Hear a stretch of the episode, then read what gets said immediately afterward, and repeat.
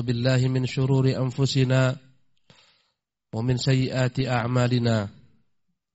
من يهد الله فلا مضل له ومن يضلله فلا هدي له.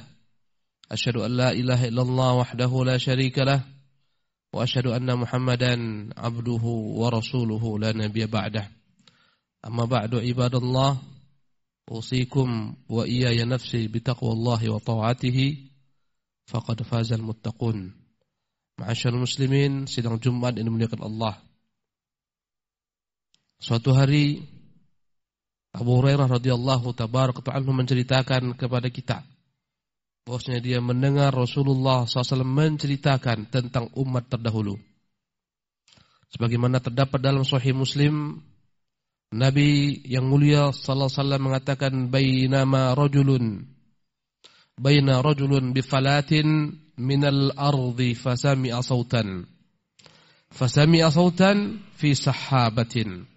Tatkala seorang laki-laki berjalan di tengah padang pasir di tengah gurun yang tak ada padanya kehidupan tandus. Tiba-tiba laki-laki ini mendengar ada suara di langit. Apa yang dia dengar? Dia mendengar Suara di langit mengatakan isqi hadiqata fulan. Hendaklah hujani kebun si fulan. Berkata Rasulullah SAW, Fatanahha dhalika sahabu. Maka awan ini pun berjalan, berkumpul ke tempat ya tertentu Fa'afraqa ma'ahu fi harratin.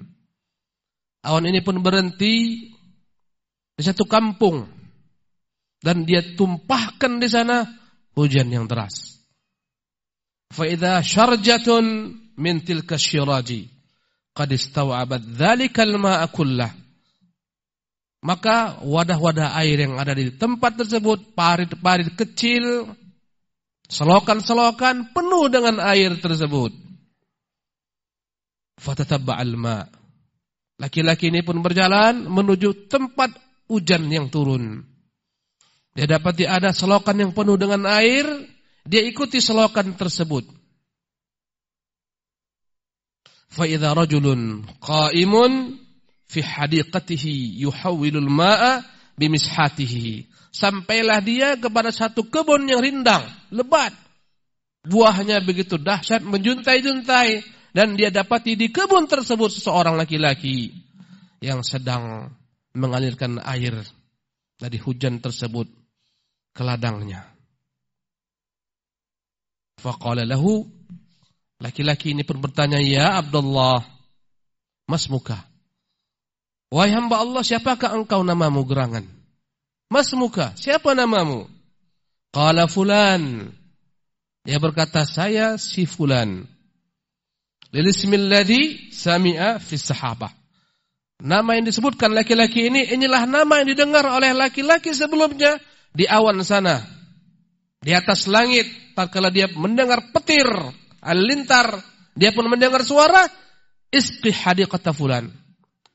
Hujanilah kebun si fulan dengan nama persis dari apa yang dijawab oleh laki-laki yang sedang berada di kebun tersebut. Kemudian dia bertanya, "Ya Abdullah, lima tas'aluni an ismi?" Ya Abdullah, mengapa kau tanya-tanya nama saya? Apa gerangan? Faqala.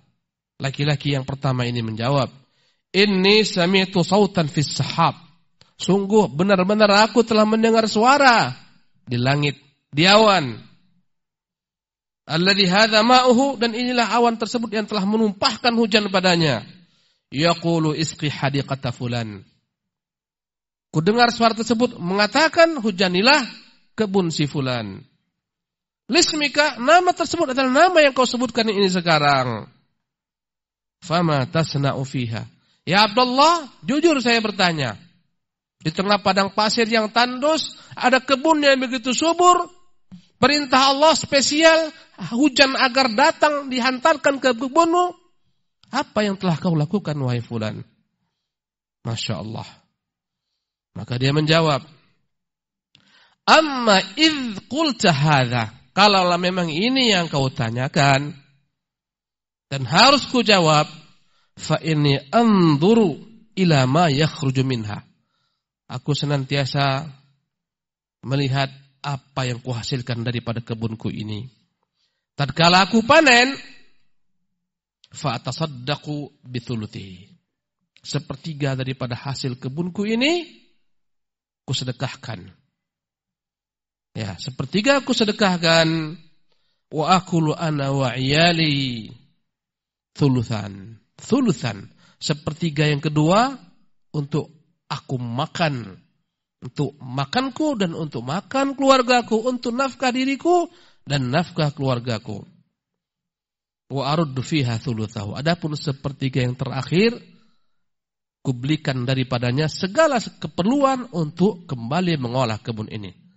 Rawah Muslim. Masyarul muslimin sidang Jumat dimuliakan oleh Allah Subhanahu wa taala. Pelajaran apa yang kita ambil daripada hadis yang singkat ini ibadah Allah? Pertama, rezeki di tangan Allah Jalla wa'ala. Bukan di tangan hamba. Maka mintalah kepada Allah. Wa fis sama'i rizqukum wa ma tu'adun. Di langit sana rezeki kalian, bukan di bumi. Dan di sana apa yang dijanjikan, bukan di bumi.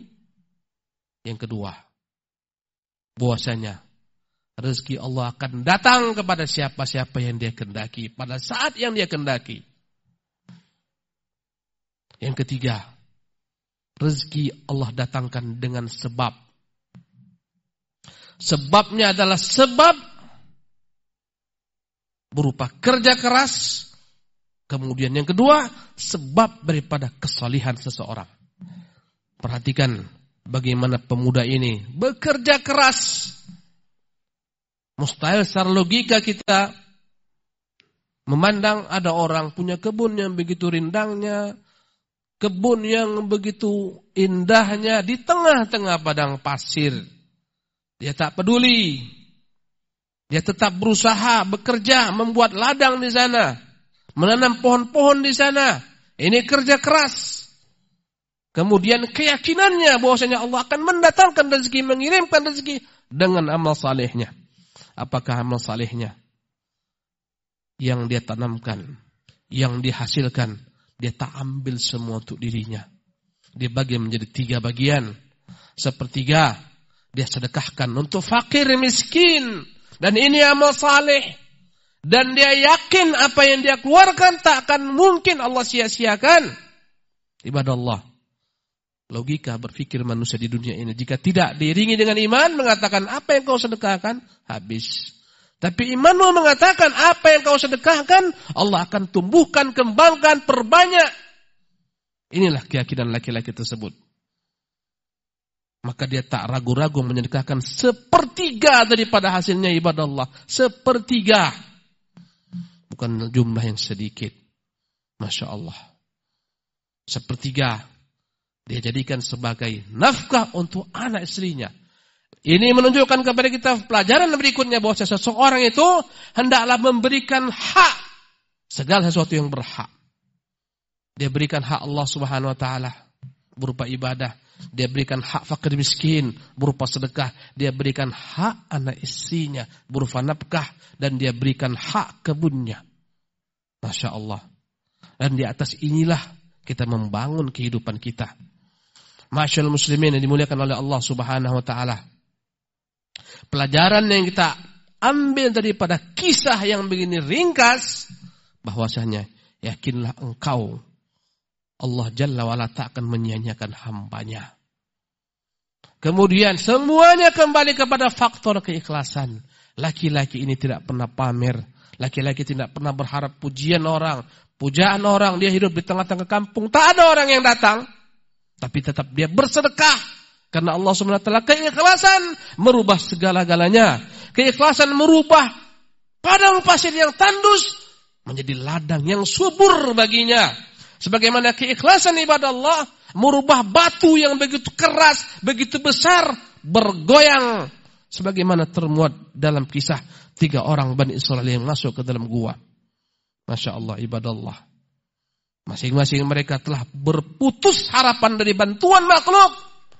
Mereka mengadu kepada Allah Al-Khaliq Arhamur Rahimin mereka berkata takkan mungkin kita mengharapkan bantuan manusia, maka masing-masing mintalah kepada Allah bantuan agar Allah Subhanahu wa taala menyelamatkan kita dari musibah ini.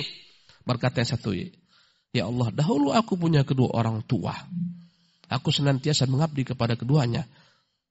Aku tak pernah mendahulukan anak-anakku daripada kedua orang tuaku. Suatu hari keduanya meminta aku agar membelikan bagi mereka susu. Setelah pulang kerja, akhirnya aku pun bekerja mencari kayu bakar. Ya, karena kondisi aku tak mungkin balik cepat, aku terlambat kembali ke rumah dengan membawa susu yang diminta kedua orang tuaku. Setiba di rumah aku dapati kedua-duanya sedang tidur lelap. Aku tak ingin membangunkan keduanya dari tidurnya. Ya Allah, Sungguh ku tunggu kedua-duanya bangun. Aku standby ada bersama keduanya. Sementara anak-anakku meronta-ronta meminta susu yang ku bawa. Ku katakan demi Allah tidak akan ku berikan kepada kalian. Kecuali setelah kedua orang tua ku minum. Masya Allah. Ya Allah.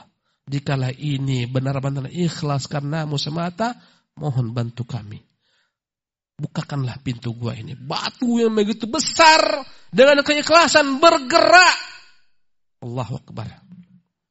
Maka berkata yang kedua, Ya Allah, dahulu aku punya seorang pekerja. Ketika masanya datang mengambil gajinya, dia tidak mengambil jatah gajinya, dia pergi. Kemudian gajinya ku simpan, gajinya ku kembangkan, kubelikan dari gajinya tersebut anak-anak kambing. Kemudian ku gembalakan, lantas laun menjadi besar, lambat laun menjadi banyak, sehingga satu lembah semuanya adalah hasil daripada kambing-kambing yang kubelikan dan kupihara tersebut. Datanglah suatu hari dia berkata kepada ku, wahai fulan, mana gajiku dahulu yang tak kuambil? Ku katakan kepadanya, kau lihatlah, antara dua lembah ini semua kambing-kambing ini, inilah gajimu, kau ambil semuanya. Dia berkata, tidak wahai fulan, jangan kau celah aku. Jangan kau olok-olok aku, berikan gajiku saja. Ku ceritakan kepadanya, ini semua hasil daripada gajimu. Kau ambil semua. Maka semuanya dia ambil, tidak dia tinggalkan satu pun. Ya Allah, ya Tuhan, jika perbuatanku ini benar-benar ikhlas mengharapkan ridhamu semata, tolong kami. Bukakan pintu gua dengan keikhlasan pintu yang begitu besar, batu yang runtuh dari atas bergeser namun mereka belum mampu keluar. Yang satu, pertama, bertawasul dengan baktinya kepada orang tua. Yang kedua, bertawasul dengan amal salihnya, memberikan hak pekerja dengan sempurna, bahkan lebih. Yang ketiga berkata, Ya Allah, dahulu aku punya sepupu yang aku mencintai dia sebagaimana laki-laki mencintai seorang wanita. Datang masanya dia tersudut dia butuh kepadaku, aku mencintainya. Ku katakan kepadanya, tidak akan mungkin aku memberikan kepada bantuan sampai kau serahkan dirimu kepadaku bulat-bulat. Maka tatkala aku berada bersamanya sebagaimana posisi seorang laki-laki di atas perempuan, perempuan ini berkata, "Ittaqillah, la tafuddul khatam illa bihaqqih." Takutlah engkau kepada Allah. Jangan kau buka segel ini kecuali dengan hak. Ya Allah, ku tinggalkan dia. Tak ku ambil harta yang kuberikan kepadanya. Karena takut kepadamu ya Allah. Sekiranya ini semua ikhlas karenamu semata bukakan pintu gua ini. Batu besar bergerak. Dengan ketentuan Allah subhanahu wa ta'ala. Dengan keikhlasan ibadah Allah. Keikhlasan akan senantiasa mendatangkan keberkahan bagi kita dalam hidup kita ini. Sebagaimana keberkahan Allah giring kepada laki-laki yang hidup di tengah padang pasir ini dengan kebunnya yang begitu indahnya, kebunnya yang begitu banyak hasilnya. Ibadah Allah. Tak usah takut dalam berbuat kebaikan. Allah pasti akan memberikan bagimu ganjaran di dunia sebelum nanti di akhirat. Barakallahu li wa lakum fil Qur'an azim wa nafa'ani wa iyyakum bima fihi minal ayati wa dzikril hakim wa taqabbalallahu minni wa minkum tilawatahu